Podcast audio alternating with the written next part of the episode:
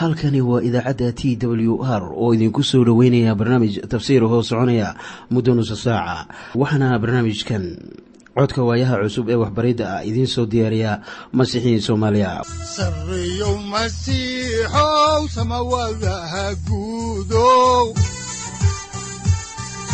Siraadkii adduunkow subanaha eebow sareyow masiixow samawadaha guudow siraadkii adduunkow subanaha eebow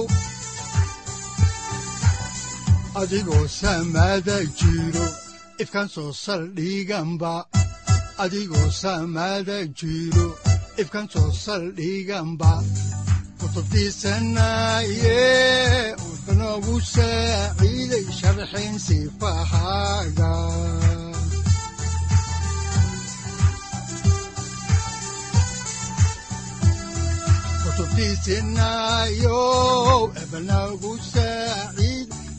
sifahaaga ku soo dhowaada dhegaystayaal barnaamijkeenna dhammaantiinba. Waxaan horay u sii ambaqaadi doonnaa daraasaadkii la magac baxay baibalka dhammaantii waxaannu caawa idiin sii wadi doonnaa barashada kitaabka falimaha rasuullada. Kitaabka falimaha rasuullada waa kitaab taariikhi ah oo ay tahay in qof waliba wax uu ka barto si uu ku garto taariikhda kitaabka axdiga cusub. Waxaanan caawa idiin sii wadi doonnaa cutubka toddoba iyo labaatanaad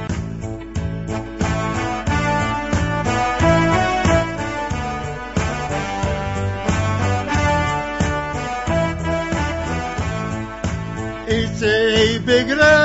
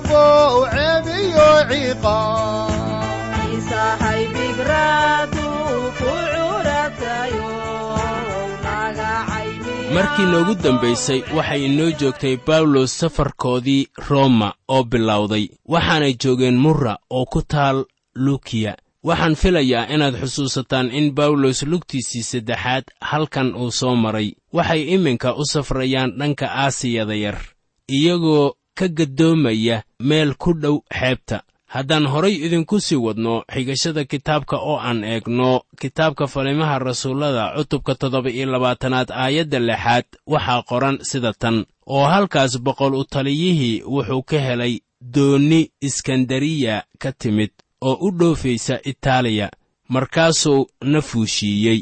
Halkan ayay doonni kale ka qaateen oo boqol u taliyihii baa helay doonni kale oo ka timid al iskandariya oo ku tiilay waqooyiga afrika oo ku sii jeedday itaaliya. Haddaan horay idinku sii wadno xigashada kitaabka ayaannu iminkana akhriyaynaa kitaabka falimaha rasuullada cutubka toddoba iyo labaatanaad aayadaha toddoba ilaa siddeed. Waxaa qoran sida tan oo kolkii aannu maalmo badan aayar soconnay waxaannu dhib ku nimid kinidos horteeda oo dabeeshii ayaa noo diidday inaan hore u sii soconno kolkaasaannu ka hoos marnay keretee oo ka hor jeedda salamoone oo markii aannu dhib ku dhaafnay waxaannu nimid meel magaceeda la yidhaahdo marsooyin wanaag oo u dhow magaalada laasaya waxay iminka ku sii jeedaan jasiiradda karatee sida abbaarta ah weli waxaa dhib uu ka haystaa safarkoodan ay badda ku safrayaan oo waxaa haya hirir waaweyn iyo duufaanno. Waxay marayaan dhanka koonfureed ee lasaya oo ku tiilay xeebaha koonfureed ee karatee haddaan horay idinku sii wadno xigashada kitaabka ayaa waxaa qoran cutubka toddoba iyo labaatanaad aayadda sagaalaad ee kitaabka falimaha rasuullada sida tan.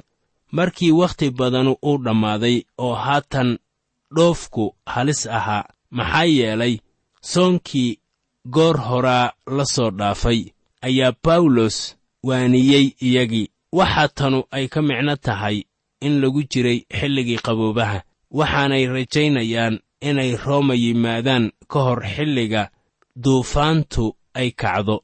Waa wax xiise leh in bawlos uu qaatay doorka odaynimo. Markii uu bilaabay inuu waaniyo iyaga isagoo ku leh sida ku qoran kitaabka falimaha rasuullada cutubka toddoba iyo labaatanaad aayadaha toban ilaa kow iyo toban. Waxaa qoran sida tan oo wuxuu ku yidhi niman yahow waxay ila tahay in dhoofkanu uu lahaan doono waxyeello iyo khasaaro badan umana ahaan doonaan shixnadda iyo doonnida oo keliya.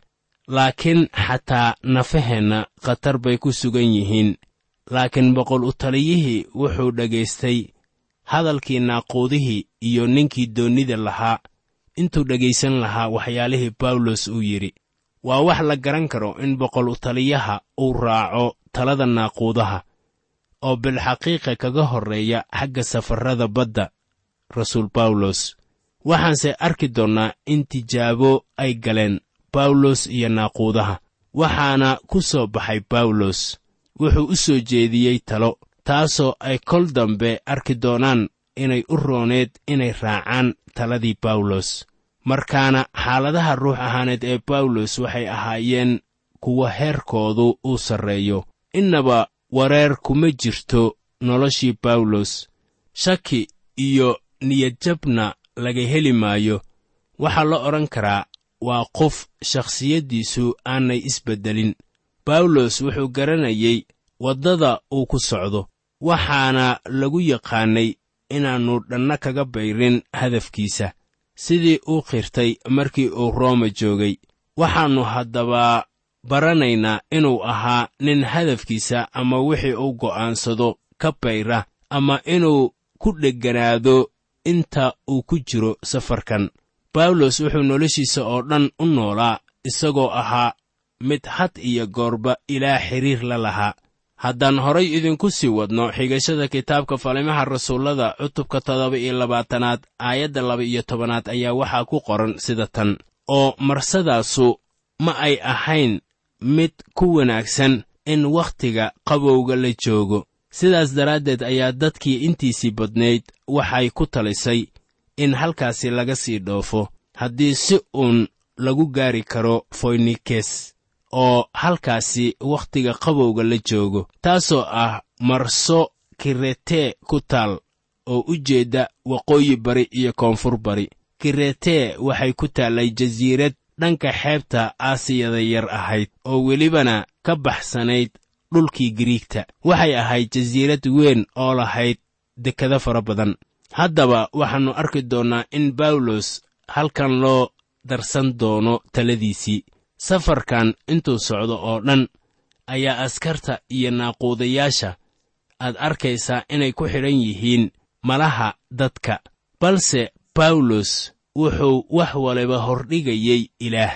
Haddaan horay idinku sii wadno xigashada kitaabka oo aan eegno aayadda saddex iyo tobanaad ee cutubkan toddoba iyo labaatanaad ayaa waxaa qoran sida tan oo kolkii dabayshii koonfureed tartiib u socotay ayay waxay u maleeyeen inay qasdigoodii heleen kolkaasay barroosinkii qaadeen oo waxay ag mareen karete haddaba safarku iyagu wuxuu la ahaa howl lamala malaynayo. Waxay la ahayd in dabeesha koonfureed si tartiib ah ay u dhacayso.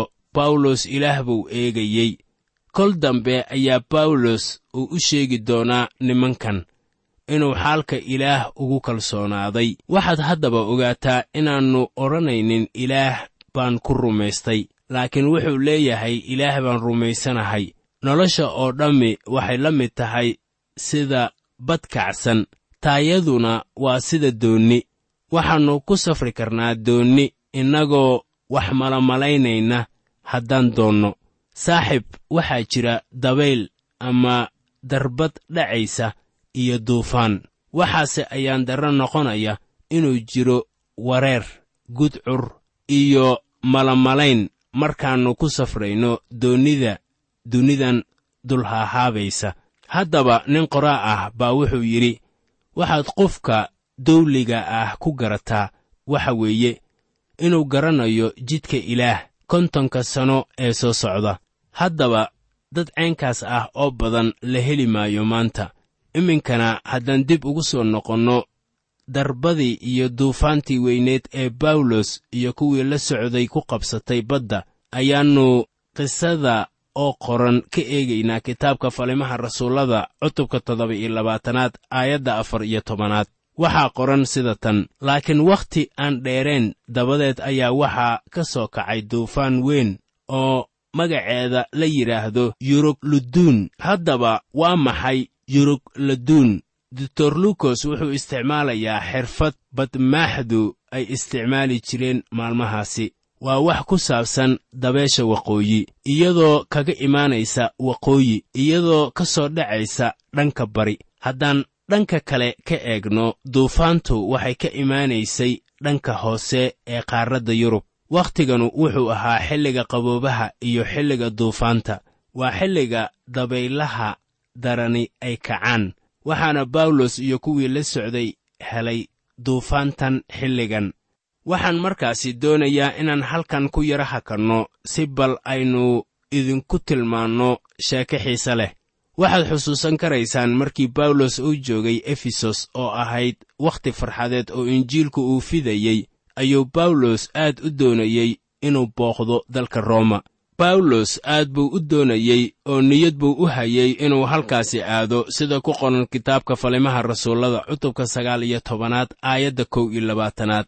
Waxaana qoran sida tan haddaba markii waxyaalahaasu ay dhammaadeen ayaa bawlos ruuxiisa kula tala jiray inuu yeruusaalem tago markuu masedoniya iyo akhaaya sii dhex maray dabadeed. Isagoo leh markaan meeshaasi tago dabadeed waa inaan roomana arko waxaase yeruusaalem uu kala kulmay dhib iyo qaxar oo waxay ula muuqatay inaannu arki doonin rooma marnaba. Wakhtigaas gudcurka iyo rajola'aanta badnaa ayaa ilaah uu u muuqday uu u xaqiijiyey inuu roomo soo booqan doono. Waxaana taasi aynu ku soo aragnay falimaha rasuullada cutubka saddex iyo labaatanaad aayadda kow iyo tobanaad oo lahayd haddaba habeenkii dambe rabbiga ayaa is-ag taagay isagii oo ku yidhi kalsoonow maxaa yeelay sidaad yeruusaalem iigu markhaati furtay waa inaad roomana iigu markhaati furtid.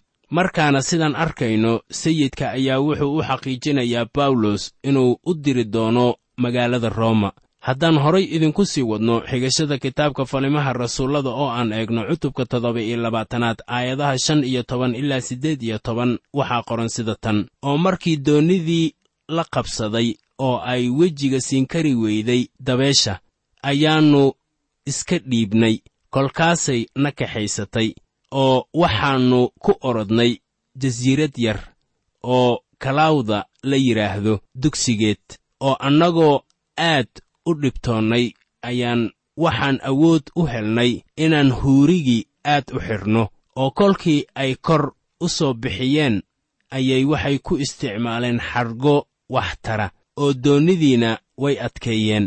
Oo iyagoo ka cabsanaya surtis oo bacaad ah ku dhacaan ayay waxay dejiyeen shiraaqii oo sidaasaa loo kaxaystay.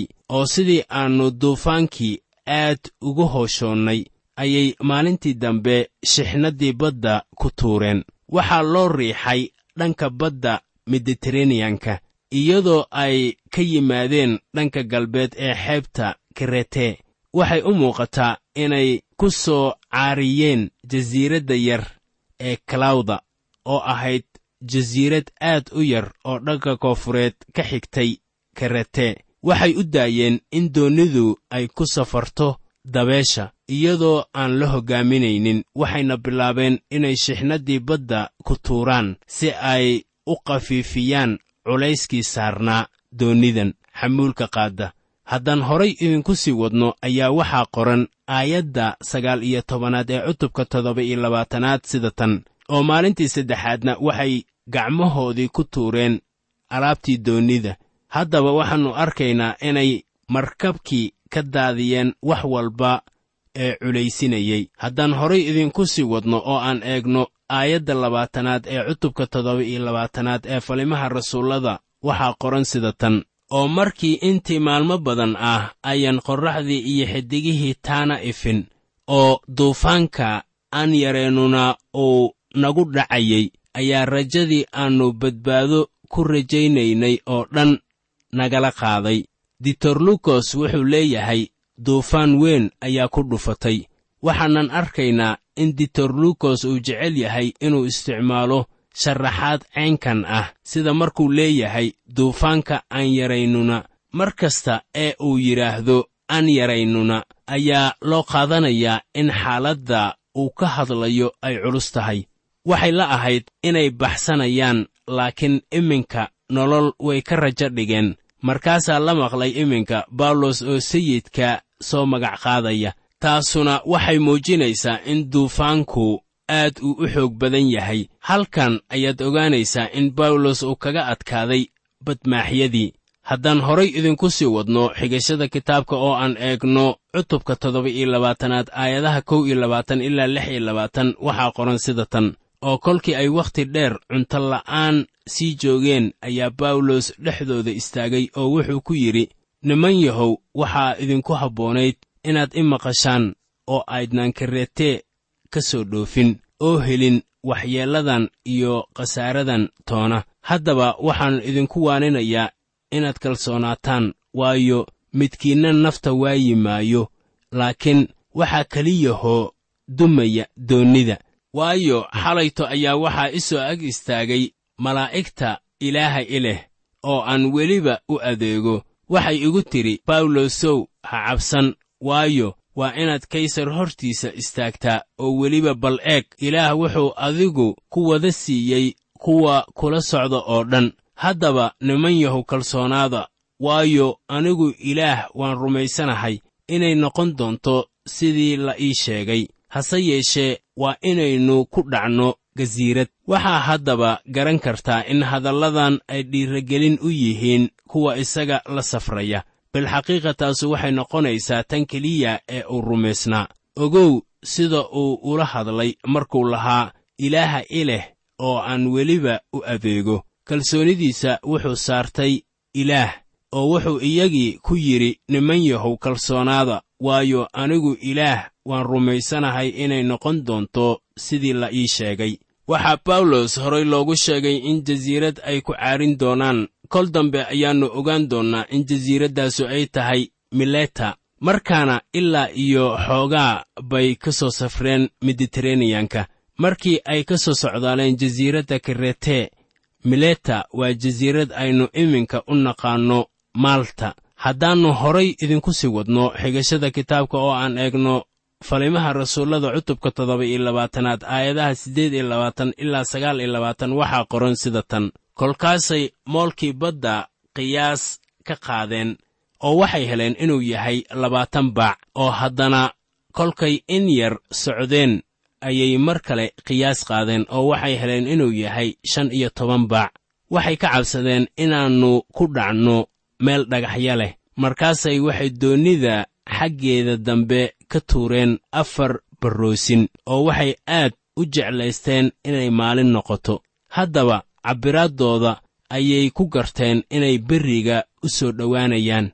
Haddaba nimankanu waxay ku jireen doonni marka ay qiyaasayaan inta baac ee berriga uu u jiro. Haddaan horay idinku sii wadno xigashada ayaa waxaa ku qoran falimaha rasuullada cutubka toddoba iyo labaatanaad aayadaha soddon ilaa kow iyo soddon sida tan oo baxriyiintii ayaa waxay damceen inay doonnida ka baxsadaan oo waxay badda qarsoodi ugu dejiyeen huurigii sidii iyagoo baroosinno ku tuuraya doonnidii xaggeeda hore. Markaasaa bawlos boqol u taliyihii iyo askartii uu ku yidhi kuwanu haddayan doonnida sii joogin idinku badbaadi kari maysaan.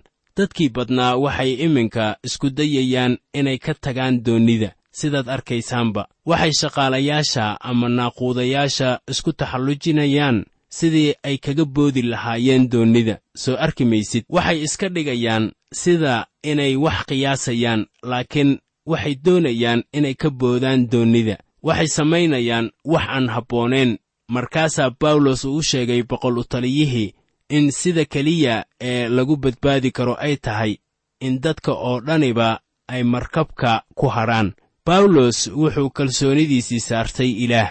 Malaggii rabbiga ayaa wuxuu u sheegay bawlos in isaga iyo kuwa la socda oo dhaniba ay badbaadayaan laakiinse iyaga un isma badbaadin karaan. Waa in lagu badbaadiyo qorshaha ilaah mase ahan inay iyaga gacmahooda ama ficilkooda badbaado ku raadsadaan. Marka waa inay rumaystaan in ilaah uu badbaadinayo. Haddii kale oo ayan taasi rumaysan waa inay gacmahooda isku badbaadiyaan taasuna suuragal ma ahan iminka. Bawlos wuxuu iyaga u sheegayaa inuu rumaysan yahay ilaah. Wuxuu kaloo u sheegayaa haddii ay doonayaan inay badbaadaan waa in dadka oo dhammi ay doonnida gudaheeda ku haraan.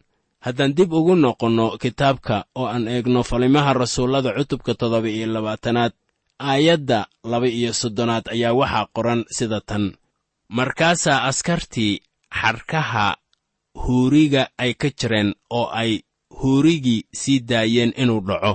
Bawlos wuxuu warka gaarsiiyey boqol u taliyihii. Boqol u taliyihii wuxuu haatan bilaabay inuu warka ka maqlo bawlos wuxuu bixiyey amar ah in askarta ay xargaha gooyaan si aan doonnida yar yar loola baxsan waxaana lagu qasbay in qof waliba doonnida gudihiisa uu joogo.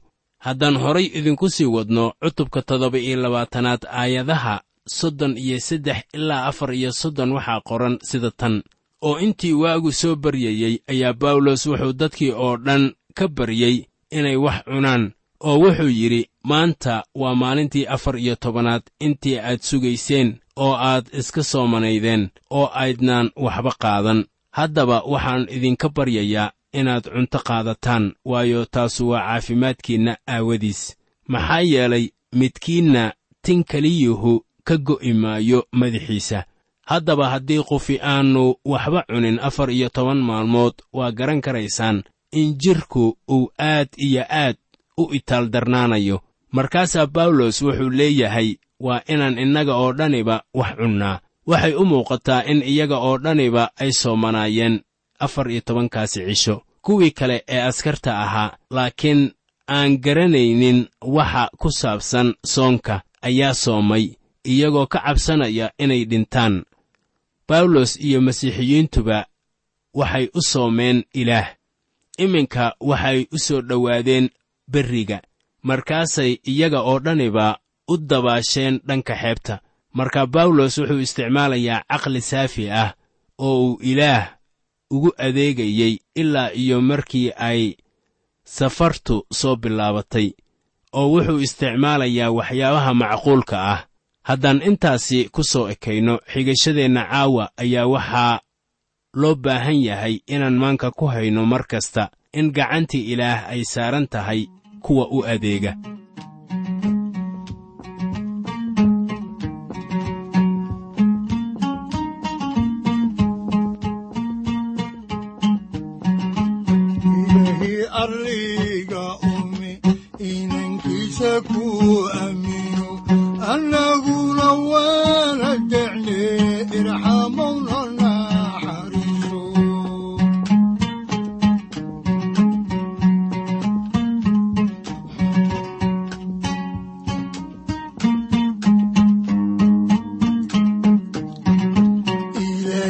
arlayga ume inankaysa ku aamino annaguna waala dhicne irxamowna naxariiso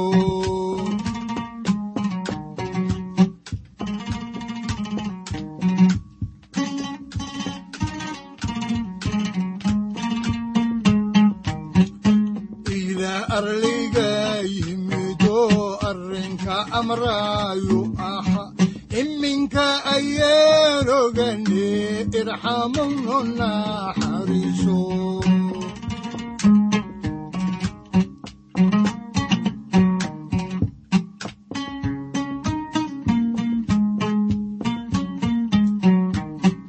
casiisow adaa casumo cunugagi ugu ciyo carshigaga ceedka siiye irxamowna naxariiso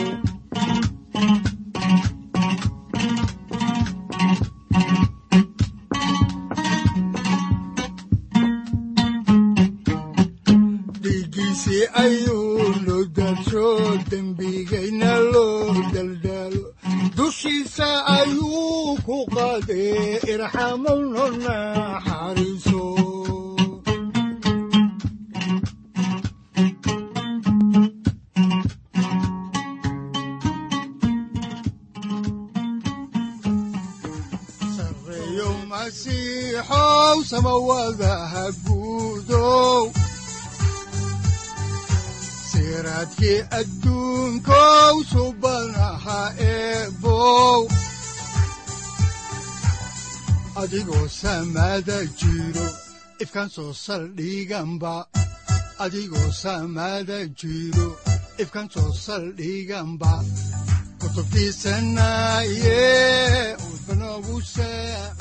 halkani waa t w r idaacadda t w r oo idinku leh ilaa ha idin barakeeyo oo ha idinku anfaco wixii aad caawi ka maqasheen barnaamijka.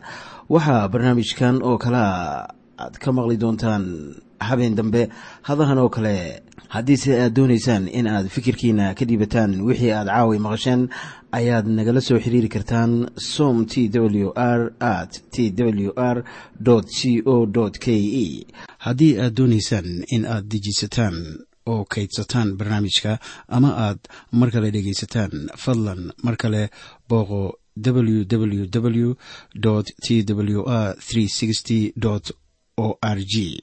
Amase www t t b t w r o r g.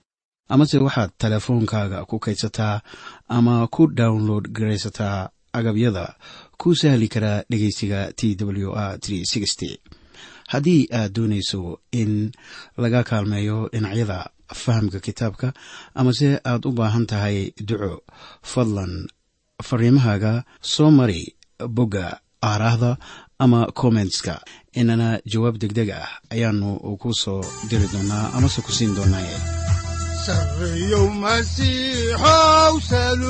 wihiyow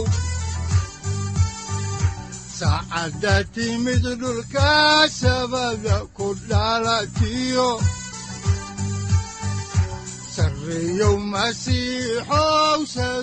halkani waa t w r oo idiin rajaynaya habeen baraare iyo barwaaqaba leh. Inta aynu ka gaari doono wakhti aynu ku kulanno barnaamij la mida kan caawayay aad maqasheen. Waxa aan idinku leeyahay nabadda ciise masiix ha idinku badato xagga jidhka iyo ruuxaba. Aamiin